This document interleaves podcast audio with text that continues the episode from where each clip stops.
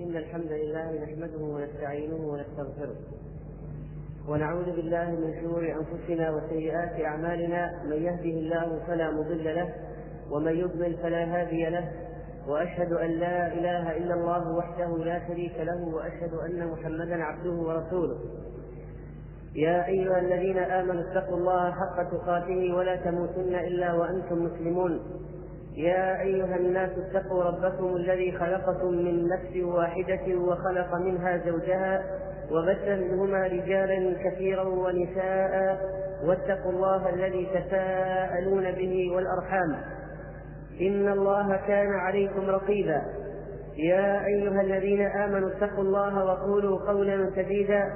يصلح لكم أعمالكم ويغفر لكم ذنوبكم. ومن يطع الله ورسوله فقد فاز فوزا عظيما. أما بعد فإن أصدق الحديث كتاب الله وخير وخير الهدي هدي محمد صلى الله عليه وسلم وشر الأمور محدثاتها وكل محدثة بدعة وكل بدعة ضلالة وكل ضلالة في النار. أيها الإخوة إن للتوحيد مكانة إن للتوحيد مكانة عظيمة في نفوس المسلمين أو هكذا ينبغي أن يكون الحال. ولذلك جاءت جاء في القرآن والسنة من النصوص التي تحمي جناب التوحيد وتسد الذرائع المؤدية إلى الشرك. أشياء كثيرة ينبغي أن تنهض بهمة الإنسان المسلم حتى يتعلم توحيد الله عز وجل ويحذر من الوقوع في الشرك وأنواعه.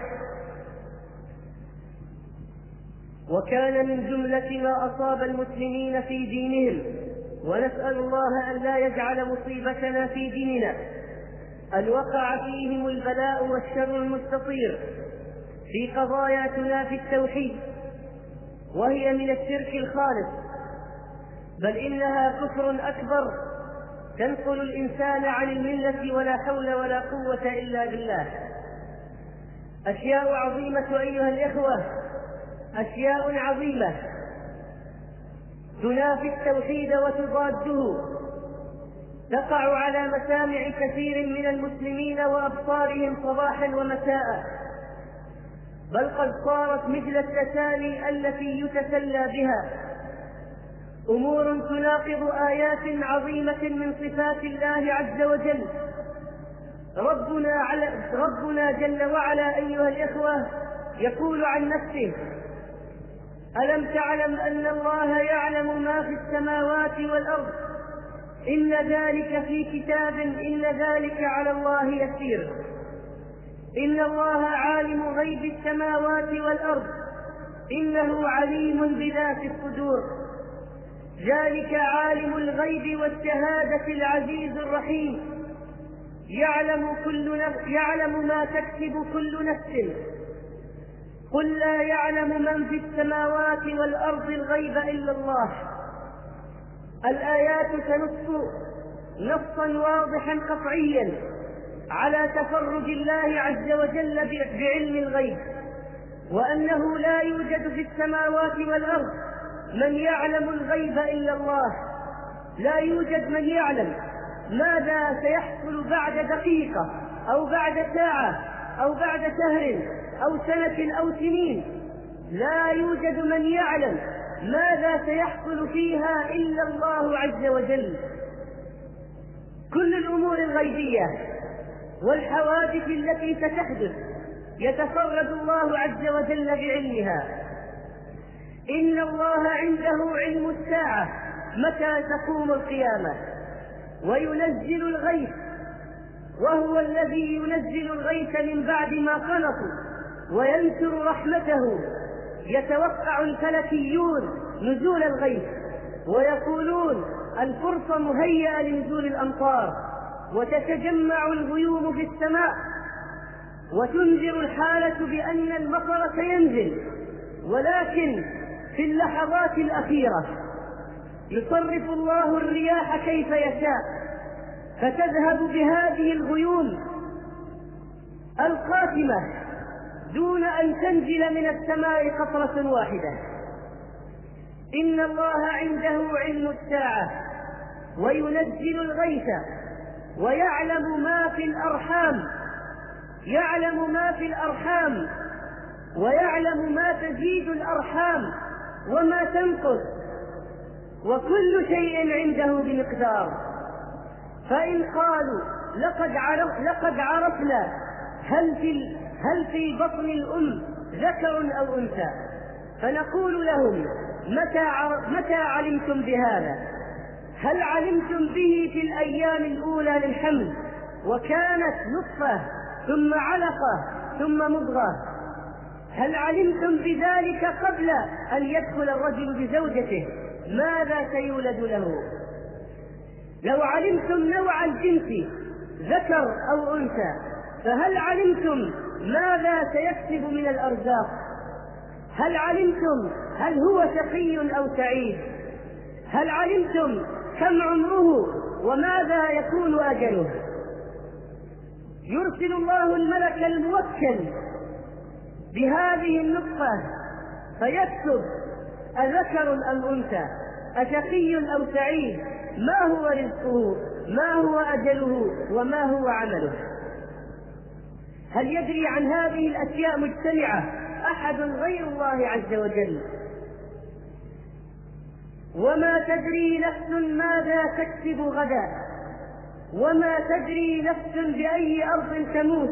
إن الله عليم خبير.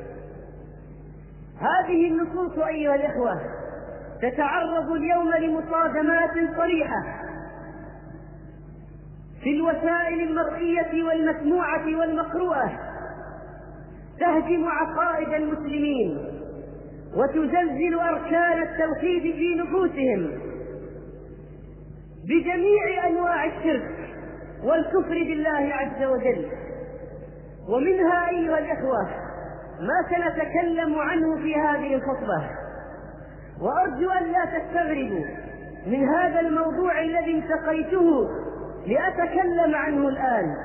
فإني قد سمعت كثيرا وبلغني أشياء عظيمة من تصديق الناس بهذه الأشياء. هذه الأمور التي تسللت إلى حياتنا ونفوسنا حتى صدق بها كبار القوم وصغارهم أغنياؤهم وفقراؤهم. إنها مسألة التنجيم ومعرفة ومطالعة الأبراج التي تخصص لها الزوايا والصفحات في الجرائد والمجلات. الأبراج أيها الإخوة التي يدعي من كتبها علم الغيب ويصدق من يقرأها. ماذا سيحصل؟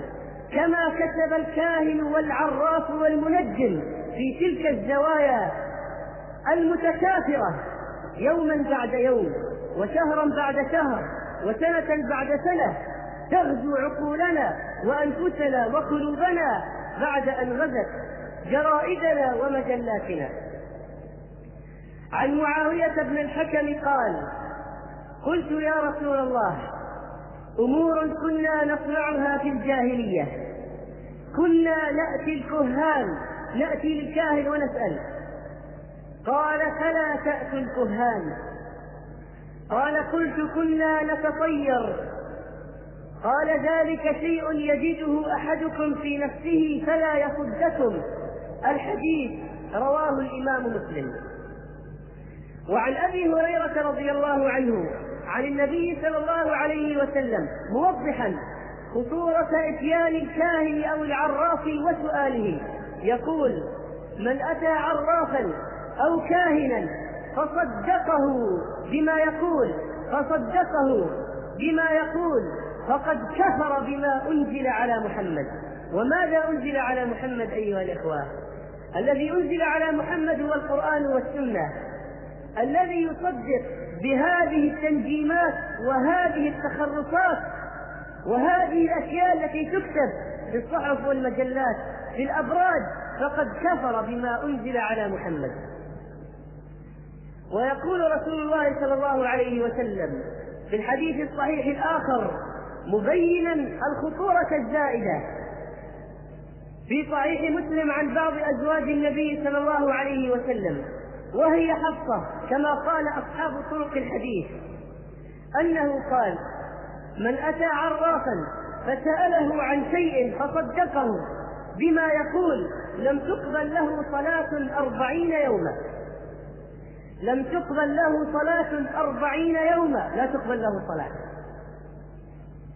وقال عليه الصلاة والسلام من أتى عرافا فسأله عن شيء لم تقبل له صلاة أربعين ليلة.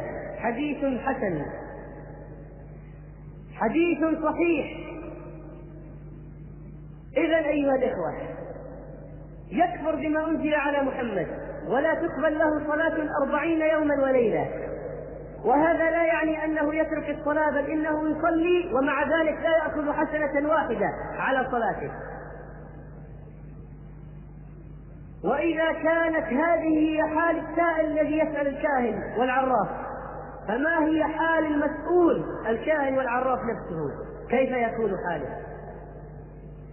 والعراف أيها الإخوة كما قال علماؤنا الذي يدعي معرفة الأمور بمقدمات يستدل بها.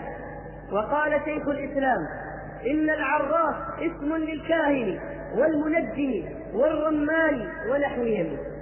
ممن يتكلم في معرفة الأمور بهذه الطرق كالحاجر كالحاجر الذي يدعي علم الغيب أو يدعي الكشف. قال والمنجم يدخل في اسم العراف والمنجم يدخل في اسم الكاهن أيضا عند الخطابي وغيره من العلماء. وقال أبو السعادات رحمه الله العراف والمنجم والحاجر الذي يدعي علم الغيب وقد استأثر الله به. قال في الدين الخالص والمقصود من هذا كله من يدعي معرفة شيء من المغيبات فهو إما داخل في اسم الكاهن أو مشارك له في المعنى فيلحق به. ومعرفة الغيب أيها الإخوة تكون بأمور منها استخدام الشياطين والزجر والطيرة والضرب في الأرض والضرب بالحصى والخط في الأرض والتنجيم والكهانة والسحر وقراءة الكف وقراءة الكف والاستقسام في الأزلام والذي يقرأ أباجاد أبجد هوز للاستدلال بها على الغيب وغير ذلك مثل قراءة الفنجان وقاتل الله من وضع كلمات قصيدة قارئ الفنجان ومن لحنها ومن غناها جازاهم الله بشر ما يستحقون على تخريبهم عقائد الأمة. أيها الإخوة لا تحسبوا أن كلمات الأغاني هي مجرد كلمات عاطفية. كلا إن, إن في بعضها كلمات مناقضة لأصل العقيدة وأصل التوحيد. ادعاء أن قارئة الفنجان تعلم ما في الغيب وتخبر هذا السائل ماذا سيحصل له. سئل شيخ الإسلام ابن تيمية رحمه الله عمن يعتقد أن الكواكب لها تأثير في الوجود أو يقول إن له نجما في السماء يسعد بسعادته ويشقى بعكسه ويقول إنها صنعة إدريس عليه السلام التنجيم ويقول هذا المفتري كاذب ويقول إن النبي صلى الله عليه وسلم كان نجمه بالعقرب أو المريخ. هل هذا من دين الإسلام وماذا يجب على قائله؟ فأجاب رحمه الله إجابة طويلة. منها نقتصر قوله قوله الحمد لله. النجوم من آيات الله الدالة على الدالة عليه المسبحة له الساجدة له والشمس والشمس والشمس والقمر والنجوم مسخرات بأمره. النجوم مسخرة بأمر الله. جعل الله لها وظائف. هداية المسافر بالبر والبحر. رجوما للشياطين. تسبح الله وتسجد. ثم قال وهكذا المنجمون في ادعائهم علم الغيب والخرافات والأكاذيب. حتى إني خاطبتهم بدمشق لأنه كان يعيش فيها شيخ الإسلام. وحضر عندي رؤساؤهم. وبينت فساد صناعتهم بالأدلة العقلية التي يعترفون هم بصحتها. قال رئيس منهم والله إنا لنكذب مئة كذبة حتى نصدق في كلمة واحدة. واعتقاد المعتقد أن نجما من النجوم السبعة هو المتولي لسعده ونحسه. اعتقاده فاسد وإن اعتقد هذا المعتقد أن هذا النبي هو الذي يدبر له يعني أموره فهو كافر. كافر بالله. ثم إن الأوائل من هؤلاء المنجمين المشركين الصابئين. الصابئة كلمة يطلقها بعض العلماء على عب على عباد النجوم. ولا زال هناك إلى الآن من يعبد النجوم. ومنهم أقوام يسكنون بأرض العراق حتى هذه الساعة. وأتباعهم قد قيل إنهم كانوا إذا ولد لهم المولود. أخذوا طالع المولود وسموا المولود باسم جسم يدل على ذلك يعني ذلك الطالع وهكذا جاء من بعدهم يسأل الرجل عن اسمه واسم أبيه واسم أمه ليعرف طالعه ويعرف سعده من نحسه وحظاه في الدنيا ورزقه وهكذا. وأما اختياراتهم يقول شيخ الإسلام وهو أنهم يأخذون الطالعات لما يفعلونه من الأفعال مثل اختياراتهم للسفر. إن يكون إذا كان إذا كان في القمر في شرفه وهو السرطان هذا اعتقاد المنجمين. إذا كان السفر في برج السرطان إلا يكون في هبوط القمر وهو برج العقرب فهذا إذا اعتقد هذا فهو من الباب المذموم. ولما أراد علي بن أبي طالب أن يسافر لقتال الخوارج عرض له منجم فقال يا أمير المؤمنين لا تسافر فإن القمر في العقرب في برج العقرب لا تسافر. فإنك إن سافرت والقمر في العقرب هزم أصحابك. أو كما قال فقال له علي بل أسافر بل أسافر في هذا الوقت بل أسافر ثقة بالله. وتوكلا على الله وتكذيبا له. وإرغاما لأنفك سأسافر فسافر علي رضي الله عنه بجيشه. فبورك له في ذلك السفر حتى قتل عامة الخوارج وكان ذلك من أعظم ما سر به. ثم أجاب شيخ الإسلام عمن ادعى أن صنعة التنجيم لإدريس عليه السلام وأن برج صلى في العقرب والمريخ فقال هذا كلام لا دليل عليه ولا علم لقائله به. بل إنه من الترهات وكانت إجابة طويلة مسددة رحمه الله تعالى. الأبراج الآن أيها الإخوة التي تكتب في المجلات والجرائد تكتب بعدة طرق. فمنها ما يكتب بطريقة الأبراج برج الحمل برج الثور برج الجوزاء برج السرطان وهكذا. ومنها ما يكتب بطريقة السنوات إذا كنت من مواليد السنة الفلانية فسنتك الجديدة سنة كذا وكذا وكذا. أو فالحذر مطلوب أو فالحظ حليفك ومن الثقافات ما قرأته في بعض هذه الأشياء أن المنجم يقول إذا كنت مولودا في سنة 1910 فليس هنالك ما يميز سنتك الجديدة. سلبيا إلا بعض المشاكل الصحية وخصوصا فيما يتعلق بالعضلات. طبعا ماذا نتوقع من شخص مولود في عام 1910 وقد تكتب بطريقة الأشهر قد تجد الجداول شهر كانون الثاني. ماذا يوجد فيه من من السعد والنحس شهر شباط شهر آذار شهر نيسان وهكذا. وتستخدم لها عناوين جذابة أنت والنجوم. أورسكوب ألوان الحظ. ماذا تخبر لك سنة 1987 أو 88 الفلك بين يديك. حظك هذا الأسبوع. حديث الأبراج. أبراج القراء وهكذا. حتى أنهم اخترعوا طريقة للذي لا يعرف ميلاده ولا تاريخ ولادته فقال قائلهم إذا كنت ساقط القيد ولم تعرف تاريخ يوم ميلادك فبرجك تعرفه من اسمك وجعلوا للأحرف موازين وأعداد واستنبطوا منها الأبراج ثم قال له ارجع إلى الجدول المرفق في الأبراج لكي تعرف ماذا ينتظرك. وهؤلاء الدجالون أيها الإخوة يأتون في كلامهم بأشياء تقع دائما تقع دائما ليست غريبة. بعض الكلام فيه أشياء تقع دائما. مثل قولهم بعض الصعوبات تعترض سبيله وهل يوجد انسان لا يعترضه بعض الصعوبات. خبر سار يصلك من إنسان تحبه. وهل رأيت إنسانا ما وصل إلى إليه في حياته خبر سار لشخص يحبه؟ بعض المشاكل المادية. هل يوجد إنسان ما واجه مشاكل مادية؟ علاقتك ببعض الأشخاص تزداد مكانه. أمر طبيعي. تنتظر جوابا من شخص قد يصلك الرد في هذا الأسبوع. طبعا قد يصلك في هذا الأسبوع وقد لا يصلك في هذا الأسبوع. ماذا يريدون من وراء هذه الكلمات؟ يا أيها المسلمون انتبهوا من رقدتكم يريدون ايهام العوام والجهال. أنه قد تحقق كلامهم. ويرى الشخص فعلا بأن الرسالة قد وصلت في هذا الأسبوع. فيقول نعم إنهم يعرفون. يرى أنه قد وقع بعد قليل في مشاكل ماديه فيقول نعم لقد صدقوا.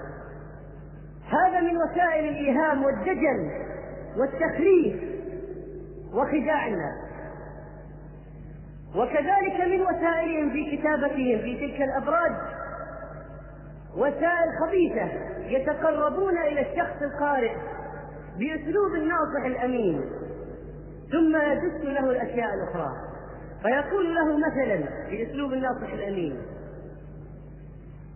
لا تبالغ في إرهاق نفسك حافظ على حكمتك كن طويل النفس انتبه لصحتك برج الجوزاء تجنب المشاحنات وهكذا.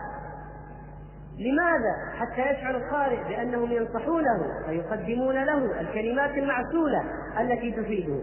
وهذه أشياء لا علاقة لها بالتنجيل مطلقا. نصائح طيبة في الظاهر يراد منها الوصول إلى الأشياء الخطيرة المنافية للعقيدة. ويضللون الناس بتسمية من يكتب هذه الأبراج يعدها اليوم الفلكي الدكتور فلان. يكتبها الفلكي فلان. ما هو معنى كلمة الفلكي؟ إنها تتضمن حقا وباطلا. فتخبر الناس هذه الإبرة الكلمية الفلكي فلان. يعني ليس يعدها المشعوذ فلان ولا الدجال فلان ولا المخرف فلان ولا الكاهن فلان أو الساحر فلان وإنما يعدها الفلكي فلان. يكتبها لك اليوم فلان الفلاني.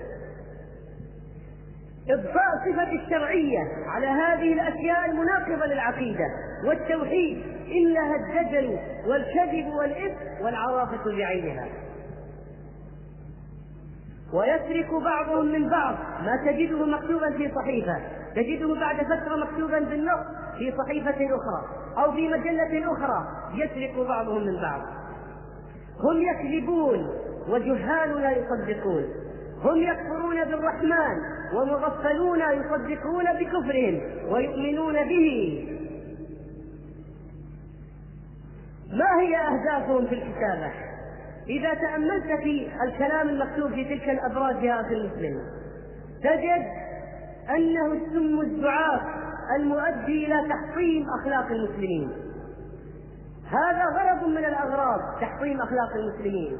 وأقرأ عليكم بعض الأمثلة الواقعية المكتوبة فعلا برج الحمل. إذا كان وضعك العاطفي لا يرضيك فالوقت مناسب لإجراء التغييرات المطلوبة. يعني انتهاء علاقات حب وغرام جديدة حرمها الله عز وجل.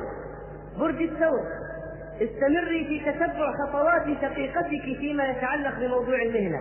إذا إخراج النساء في البيوت. وزجهن في أماكن العمل يخالطن الرجال. اقتدي بشقيقتك في المهنة. برج الجوزاء. قد تلامين من قبل أسرتك على غيابك المتكرر لكن تجدين العزاء في العمل. أيها الإخوة فكروا معي.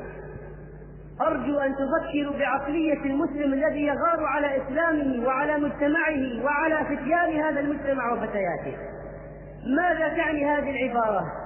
قد تلامين من قبل أسرتك على غيابك المتكرر. ماذا تعني؟ أنتم تعرفون ماذا تعني.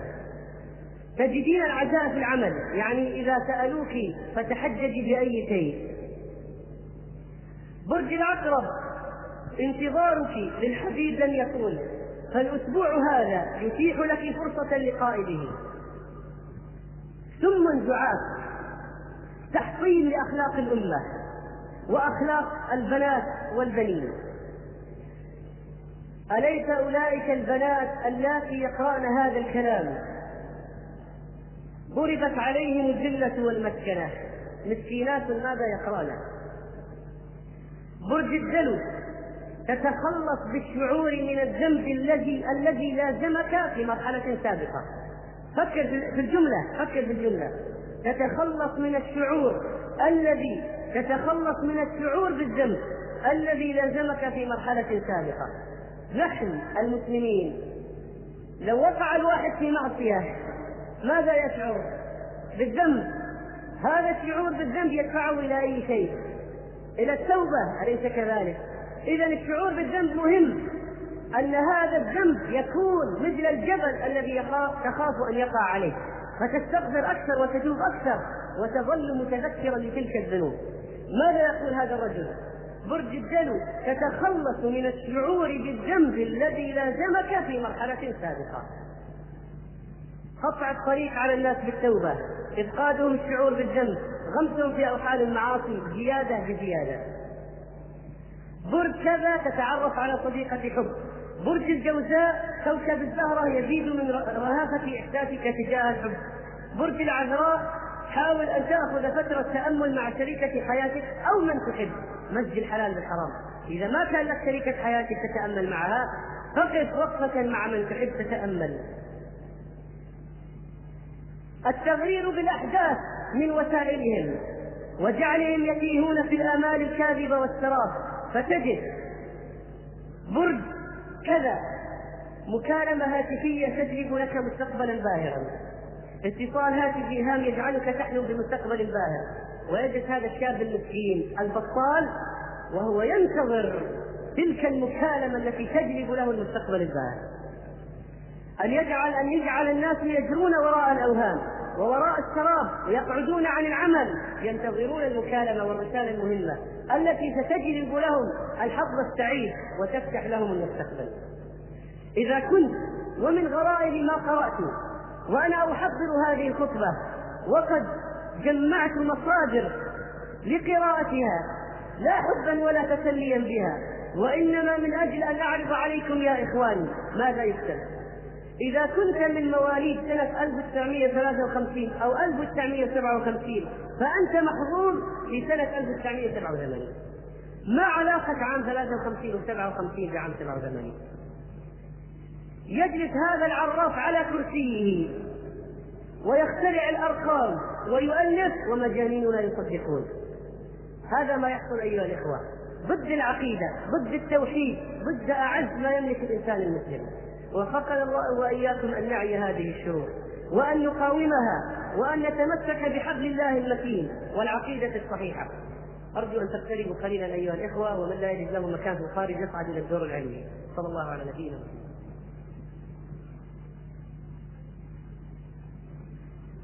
الحمد لله الذي لا إله إلا هو عالم الغيب والشهادة الرحمن الرحيم.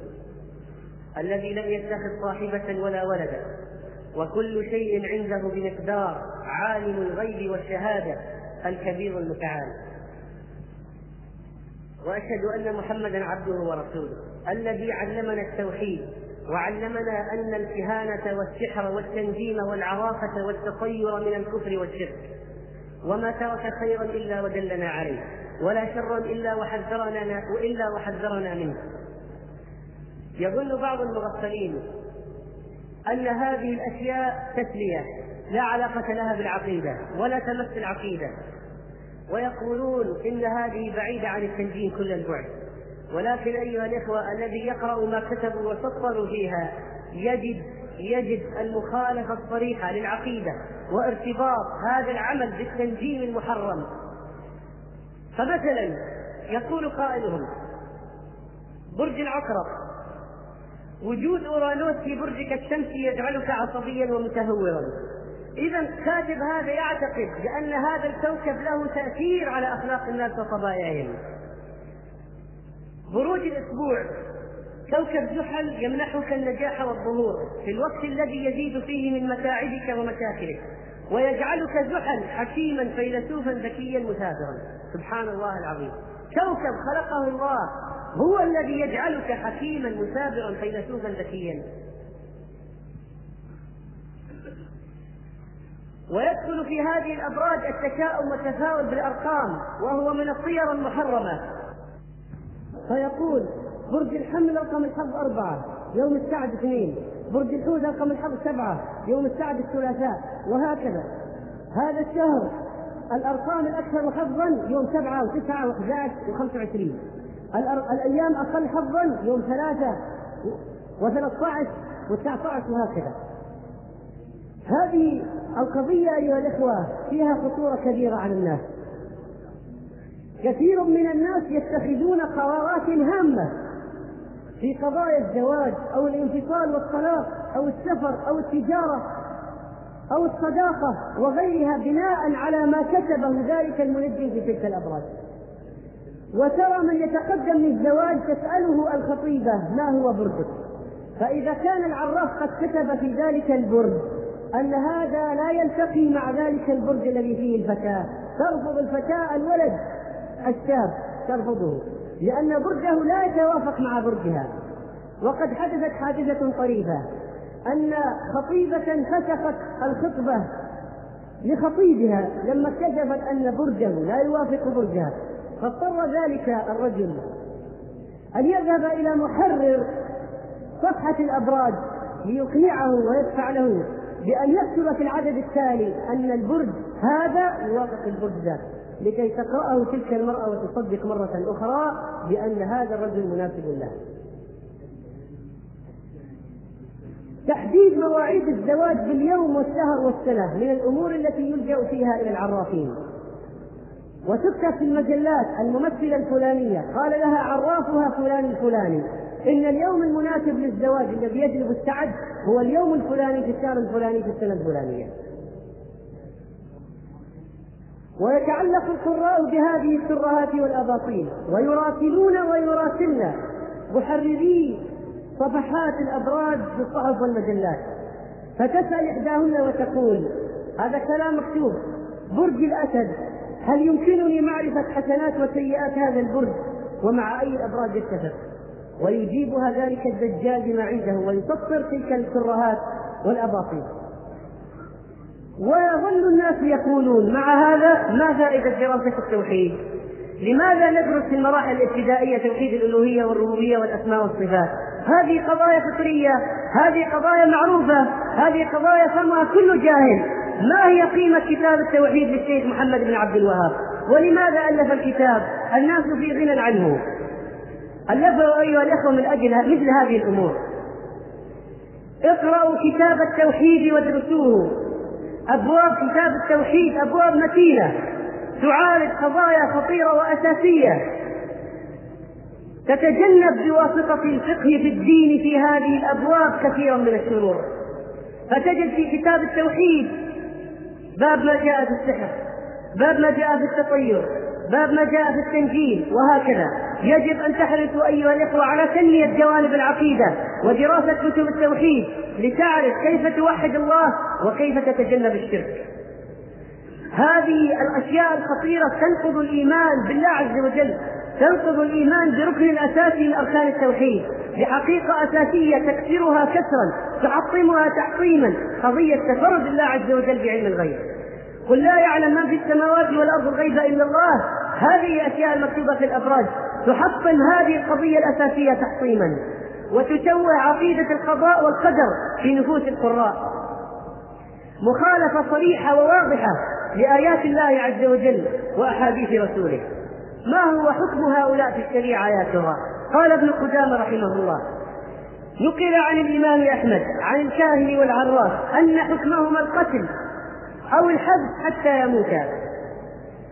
ومن اعتقد من القراء الذين يقرؤون هذه الأبراج من اعتقد منهم اعتقادا جازما أن كلام هذا العراف الفلكي حق ويرسم حياته بناء على ما كتب وفقا لأقوال الكاهن والعراف فلا شك أنه يكفر كفرا مخرجا عن الملة. كافر بالله خرج من ملة الإسلام. لا ينفعه صلاة ولا صيام ولا زكاة ولا حج وهو مناقض لشهادة التوحيد التي ينفع بها في الصلاة والذي يأخذ قول الكاهن عن تجربة يقول أجرب قد يكون صحيح وقد لا يكون. هذا يكون قد وقع في الشرك العملي الشرك الأصغر. الجاهل يعلم والذي عنده شبهة يناقش لتزال الشبهة. يعني أقول إن من المحاذير إطلاق الكفر على الناس الجهلة بالسهولة. لا إذا رأيت منهم من يصدق بهذا اجلس معه. ناقشه وبين له بالأدلة من القرآن والسنة هذا الكفر وهذا الشرك. وبعد ذلك إن أصر إن أصر على كفره فهو كافر ولا شك. وقد سألنا بعض علمائنا عن عن حكم قراءة هذه الأشياء على سبيل التسلية، لأن بعض الناس يقولون أنا أمضي الوقت وأقرأ هذه الصفحة صفحة الاستراحة التي تحوي هذه الأشياء، ما حكم قراءتها للتسلية؟ قال علماؤنا قراءتها للتسلية حرام لا تجوز وهي ذريعة للشرك. وقد يصدق هذا القارئ للتسلية يصدق بعض ما جاء في هذه الأشياء. وتقرأ هذه القضايا على صغارنا يتربون عليها. تقرأها عليهم أمهم أو أبوهم أو أخوهم أو خالهم. تقرأ في البيوت بصوت مرتفع أحيانا. فتترسخ في عقول أطفالنا هذه الشركيات. لماذا نهى الرسول صلى الله عليه وسلم عمر بن الخطاب عن النظر في صحائف التوراة المحرمة؟ لماذا؟ غضب الرسول صلى الله عليه وسلم غضبا شديدا وهو يرى عمر ينظر في صحائف التوراة. لماذا؟ لا يجوز النظر أصلا فيما كتب من الشرك والكفر إلا لمن أراد أن يحذر الناس وينبههم لهذا الشر المستطير عند ذلك يكون من باب الدعوة إلى الله. أو من يريد أن يرد عليهم يكون من باب الأمر بالمعروف والنهي عن المنكر. اذا أيها الإخوة يجب أن ننتبه لهذه الشرور ولهذه الآفات وأن نحصن أنفسنا ومجتمعاتنا أولادنا أولادنا نحصنهم من هذه الأشياء. نعلمهم التوحيد. تعلم التوحيد مهم والقضية مرتبطة بالواقع. ليست خيالات أو آثار من القرون البائدة. إنها أشياء نسمعها اليوم ونقرأها. وفقنا الله وإياكم للاعتقاد للاعتقاد بالعقيدة الصحيحة وأن نسير عليها وأن نتمسك بتوحيد الله. ويوفقنا وإياكم لتجنب لتجنب الشرك والكفر كبيره وصغيره جليله وحقيره. وأن يجعلنا وإياكم على ملة رسول الله صلى الله عليه وسلم على البيضاء ليلها كنهارها لا يزيغ عنها إلا هالك. اللهم طهر قلوبنا من الشرك والنفاق والرياء. اللهم وسدد ألسنتنا واسلل سخائم قلوبنا ووفقنا لما يرضيك وباعد بيننا وبين ما لا يرضيك. واجعلنا ممن فقهته في الدين وصلوا على نبيكم محمد صلى الله عليه وسلم. فإن من صلى عليه صلاة صلى الله عليه بها عشرا وقوموا إلى صلاتكم يرحمكم الله.